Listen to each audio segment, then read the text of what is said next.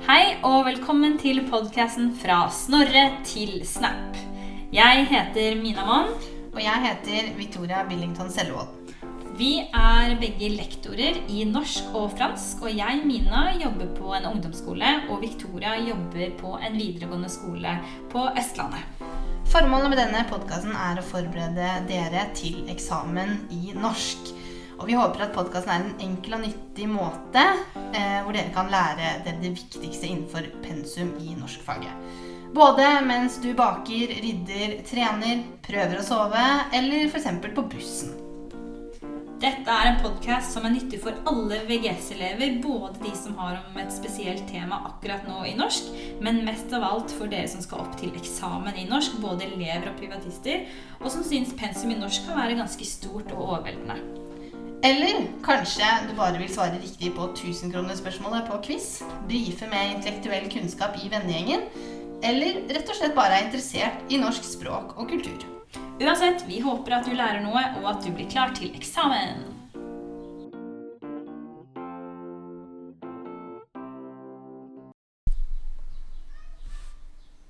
Velkommen til dagens episode. I dag så skal vi prate litt om renessansen. Og renessansen den var på 1500-tallet, men vi ser allerede spor av renessansen på 1300-tallet, faktisk, i eh, Italia.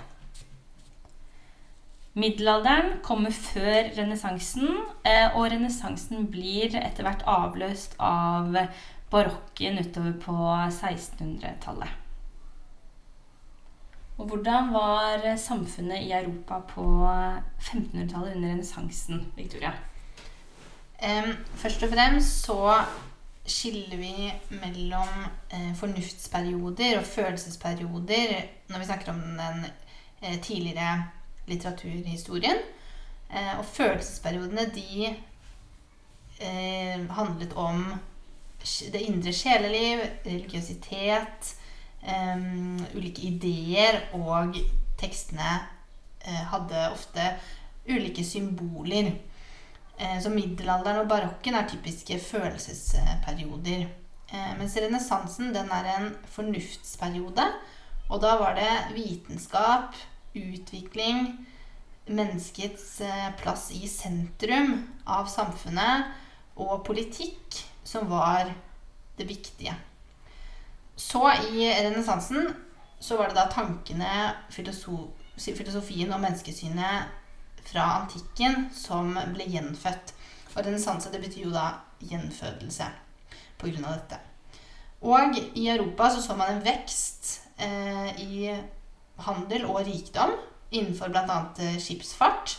Og det var pga. at man fikk nye handelsforbindelser Eh, også mye pga. Eh, nye oppdagelser. Og det frie markedet oppstår. I tillegg så oppstår det en individualisme. Eh, og privatpersoner fikk mulighet til å skaffe seg rikdom. Og man fikk også da mulighet til å eh, endre sin posisjon i samfunnet. I middelalderen så var det veldig typisk at man eh, man var født inn i en, eh, en, slags rolle og inn i et miljø, og der ble man eh, resten av livet. Um,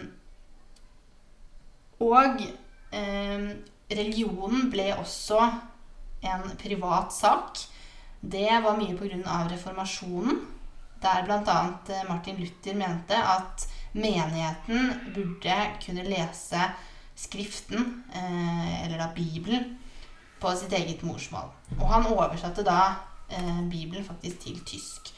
Så han mente at man måtte, måtte, ikke trenge å lese Bibelen på latin, noe som førte til at man eh, ikke kunne lese Bibelen og måtte gå i, i kirken for å, for å, høre Skriften.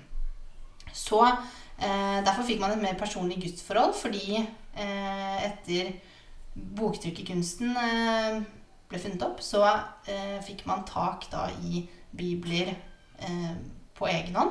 Og man kunne lese Bibelen eh, når man ville hjemme. Eh, så før så var det da et kollektivt gudsforhold, mens nå ble det mer personlig.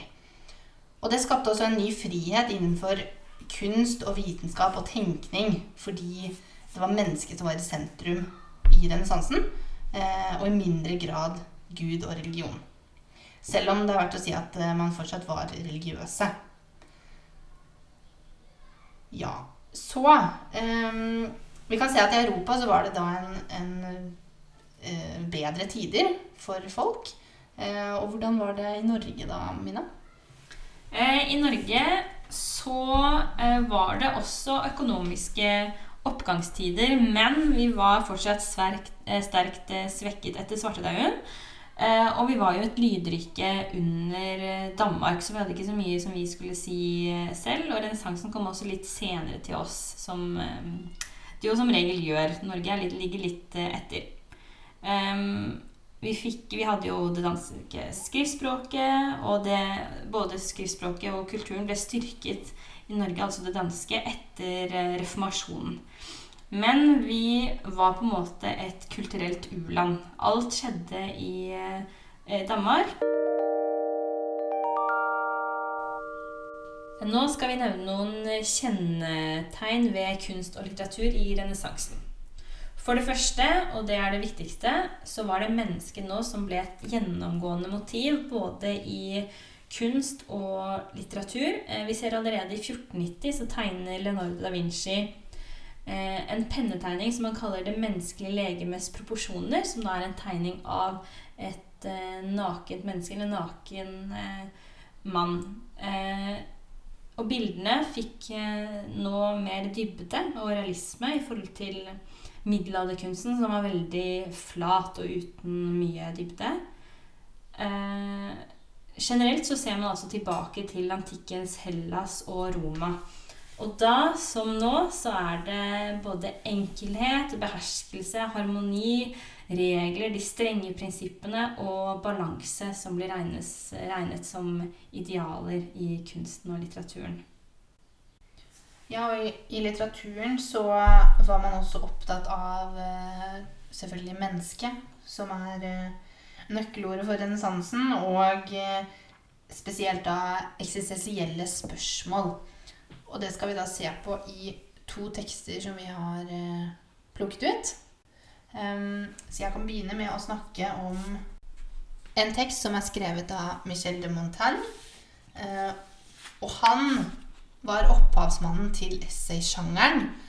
Og han skrev bl.a. essayet om kunsten og samtale.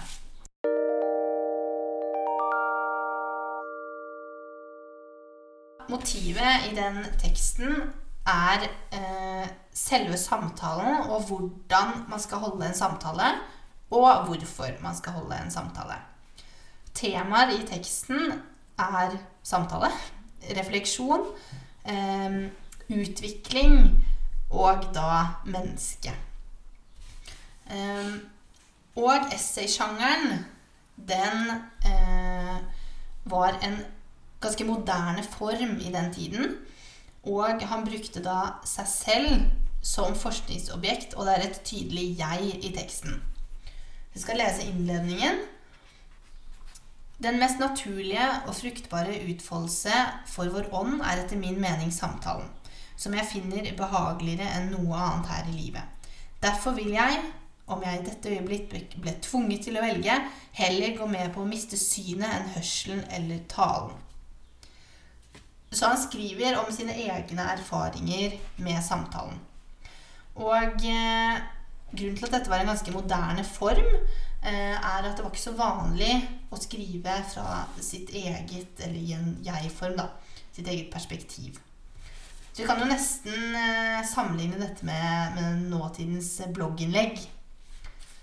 Og virkemidler som er brukt i teksten, er f.eks. gjentakelser. Eh, og han bruker jo da som nevnt 'jeg' hele veien. Ehm, og ser da på menneskets muligheter i samtale med andre ved å sette seg selv inn i eh, situasjoner der man diskuterer. Eh, I tillegg så er det en, eh, en gjentakelse der eh, han bruker negasjonen 'ingen'. Det står bl.a.: 'Ingen påstand forskrekker meg. Ingen trossetning sårer meg'. Og det forsterker det faktum at man ikke bør sky samtale, dialog og diskusjon, selv om man kanskje er uenig med motstanderen. I tillegg så er det brukt noen språklige bilder Blant annet så er strid brukt som metafor for samtalen. Det ser vi i dette eksempelet. En samtale er ikke kraftig og storsinnet nok hvis den ikke er preget av stridbarhet. Så samtalen er noe som er utfordrende for eh, mennesket. I tillegg så latterliggjør han mennesket, eh, menneskenes antagelser og forestillinger. Um, blant annet at man har folkelige og tilfeldige forestillinger. Og at mennesker generelt Det står at vi vil ikke bli rettet på, men det er nettopp det en burde søke etter og utsette seg for. Så det eh, fremmer da temaet som, som, er at mennesker bør søke utvikling av forstanden. Um, I tillegg så er det brukt en kontrast når noen motsier meg, blir min oppmerksomhet vekket, ikke min vrede. Så han ønsker å bli motsagt, og han ønsker å bli utfordret eh, intellektuelt. I tillegg så er språket i teksten velformulert. Eh, og han bruker også noe alliterasjon, faktisk. Eh, blant annet eh, i dette sitatet. Når jeg midt i stridens hete lar meg overbevise av min motstanders sterke argumenter, føler jeg meg mye stoltere over den seier jeg slik vinner over meg selv, enn jeg er hvis jeg vinner over han fordi han er svak. Da kan vi se disse s-ene som gjentas, og eh, de ordene som gjentas, er da strid, sterk, stolt, seier og meg selv. Um, så man ser da at han er mer opptatt av å bli utfordret av gode eh, disputanter enn å eh, vinne. Og han kan gjerne bli overbevist. Så det er litt om den eh, teksten, og hvordan vi kan se at, at mennesket og menneskets fornuft er i sentrum.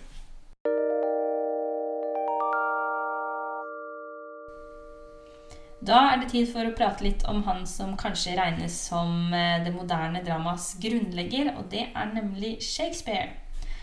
Han kan vi vel si regnes som Englands største poet eh, og dramatiker. Han ble født i Stratford upon Avon på slutten av 1500-tallet. Han var skuespiller i London ved Kongens hoff, og også eier av eh, The Globe, som var et verdslig teater på den tiden. I løpet av livet så skrev han nesten 40 litterære eh, verk. Eh, mange tragedier som Romeo og Julie og Hamlet, og komedier som En midtsommernattsdrøm. Så alle har vel et forhold til Shakespeare, for han er den mest kjente og mest spilte dramatikeren i verden i dag. Han skrev også 154 sonetter, som er dikt med en spesiell form. For å vise hva slags renessansemenneske Shakespeare egentlig var, så skal jeg begynne med å lese et eh, sitat fra skuespillet Hamlet, som jeg også skal fortelle litt mer om etterpå. Og det går sånn her. For et mesterverk mennesket er, så opphøyet i sin fornuft, så ubegrenset i sine evner, så uttrykksfullt og beundringsverdig i skikkelse og bevegelse, så lik en engel i handling, så lik en gud i tankekraft, verdens pryd, alle skapningers forbilde. Så her ser vi hvordan Shakespeare nesten opphøyer mennesket på lik linje med en slags eh, gud. Eh, og dette viser da det nye synet som eh, renessansemenneskene hadde på menneskets plass i skaperverket og troen på det menneskelige fornuft. Men da skal vi gå over til å snakke om Hamlet. Hamlet er en av de mest berømte tragediene til Shakespeare inneholder mange kjente sitater, som f.eks. 'å være eller ikke være det spørsmålet'. Det har vel alle hørt. Eh, handlingen i eh, stykket bygger på sagnet om den danske prins Amled. Eh, hovedpersonen, nå med navnet Hamlet i Shakespeares skuespill, blir hjemsøkt av sin fars gjenferd. Faren ønsker at Hamlet skal hevne hans død overfor onkelen som drepte ham. Onkelen Claudius er kongen av Danmark, og han har da giftet seg med Hamlets mor, så her er det intriger. Hamlet er svært usikker på hva han skal gjøre. Han blir veldig veldig forvirret, og han slites mellom ulike ønsker. Han dras eh, mellom liv og død. Og dette kan kanskje minne om en eh, moderne fortelling, nemlig eh, 'Løvenes konge', som faktisk er inspirert av, eh, av Hamlet. Eh, litt om formen på Hamlet. For det første er det en, eh, et drama, det er en tragedie. En sjanger som har opphav i antikken. Er veldig lang, eh, et langt drama. Handlingen kommer først og fremst fram i monologene. Og et virkemiddel som Shakespeare ofte brukte, og som er mye brukt i Hamlet, det er at det er et skuespill i skuespillet. Han viser en stor språklig oppfinnsomhet i teksten. Han fant på veldig mange ord, som vi senere skal se litt av. Eh, han bruker mange ordspill, og vi ser at i replikkene til eh, de ulike karakterene så er det også brukt mange retoriske virkemidler. Hva kan vi si om tematikken i Hamlet? Jo, her har vi veldig mange ulike temaer. Både jakt på hevn, liv og død, Grådighet, kjærlighet, galskap, ikke minst, for Hamlet holder på å gå fra vettet til slutt. Eh, teksten er på mange måter veldig typisk for perioden, fordi Shakespeare viser en stor interesse for den komplekse menneskelige natur. Eh, og han tar opp eh, mange eksistensielle temaer i eh, dramaet. Eh, vi kan identifisere oss med eh, hans karakterer den dag i dag fordi Shakespeare reflekterer over det som er helt det helt grunnleggende menneskelige. Um, så det er et slags studie av menneskesinnet, dette skuespillet. Vi har mye å takke Shakespeare for i dag, også med tanke på eh, ord som vi bruker i språkkort i dag. Blant annet eh, de to ordene 'bedroom' og 'gossip' finner vi faktisk for første gang i Shakespeare sine tekster.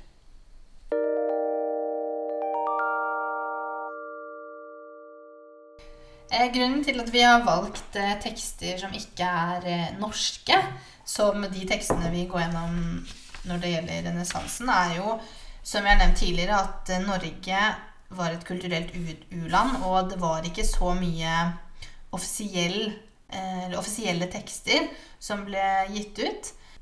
Så selv om vi hadde eh, folkediktning, så hadde vi ikke noen eh, store litterære offisielle verk å eh, vise til. Men vi hadde allikevel et par forfattere. Ja, vi hadde to norske forfattere som, eh, som kanskje er de eneste som er verdt å nevne. Eh, den første heter Absalon Pedersson Beyer. Han skrev verket om Norges rike i 1567. Da snakket han altså, eller skrev han om Norges ressurser. Han var ganske positiv til eh, Norges muligheter. Han mente bare at vi trengte litt støtte for å kunne klare å hevde oss. Så har vi altså en annen som heter Peder Clausson Friis. Og han skrev topografiske, altså geografiske verk. Og det var egentlig det vi hadde å si om Norges forfattere på den ja. tiden. Ja. Ok, så hvis vi da skal eh, trekke noen paralleller til i dag, da så kan man jo se at eh, mennesket i stor grad er i sentrum. Um, og vi er jo opptatt av selvrealisering. Eh, og vi har jo muligheter. Vi har mulighet til å eh, jobbe oss oppover i de ulike samfunnsklassene. Og det lille snevet av individualisme som vi så i renessansen, det markerte på mange måter startskuddet for det som skulle prege hele vårt samfunn i dag. Vi kan jo si at um, det er en ekstrem individualisme uh, i verden i dag. Og Ja, vi er jo, vi er jo veldig opptatt av både det indre Det har blitt uh, mye fokus på både psykisk helse og og, um, og lignende. og eh, i tillegg så er man jo veldig opptatt av eh, den menneskelige kroppen. Men kanskje på en litt annen måte enn enn i renessansen, da. Da hadde man mer et eh, vitenskapelig fokus på menneskekroppen. Man eh, studerte, tegnet, eh, kanskje begynte å dissekere menneskekroppene. Mens nå Så dissekerer man menneskekroppen for å putte inn eh, plastikk. Ikke sant? Nå er man mest opptatt av det ytre på en overfladisk eh, måte. Snakk om skjønnhet og hvordan man kan bli den beste utgaven av eh, seg selv.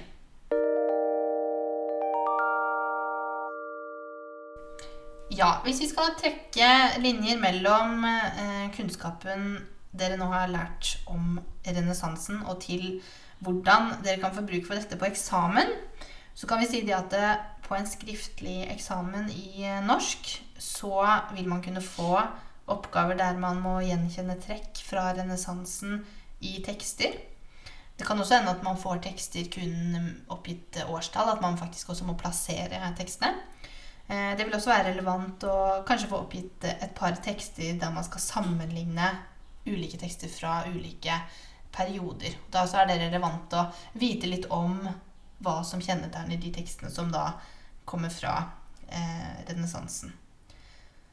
Når det gjelder muntlig eksamen, så eh, er det jo litt eh, ulikt hva slags type oppgave man får.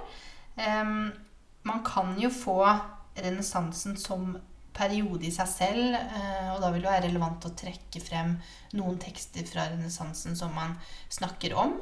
Eh, nå er renessansen eh, en litt mindre del av pensum. Eh, så jeg tenker at det kanskje kan være mer sannsynlig at man også her får eh, f.eks. en oppgave der man skal sammenligne tekster fra ulike perioder. F.eks. så kan man få en oppgave der man selv skal velge ut tekster fra en fornuftsperiode og en følelsesperiode, kanskje. Um, og da er jo da renessansen en fornuftsperiode. Uh, I tillegg så kan det jo hende også at man Det vil være relevant å snakke om eh, litteratur eh, sett i lys av samfunnet. Eh, og se på hvordan man kan se eh, trekk fra det som var viktige verdier i samfunnet, også i litteraturen. Og det var egentlig det vi hadde om renessansen for denne gang. Um, Renessansen den glir etter hvert over i det som vi kaller for barokken på 1600-tallet. Og da er det nesten som at man rømmer tilbake igjen inn i gudstroen. Så det blir spennende. Det skal vi snakke om neste episode. Barokken, altså.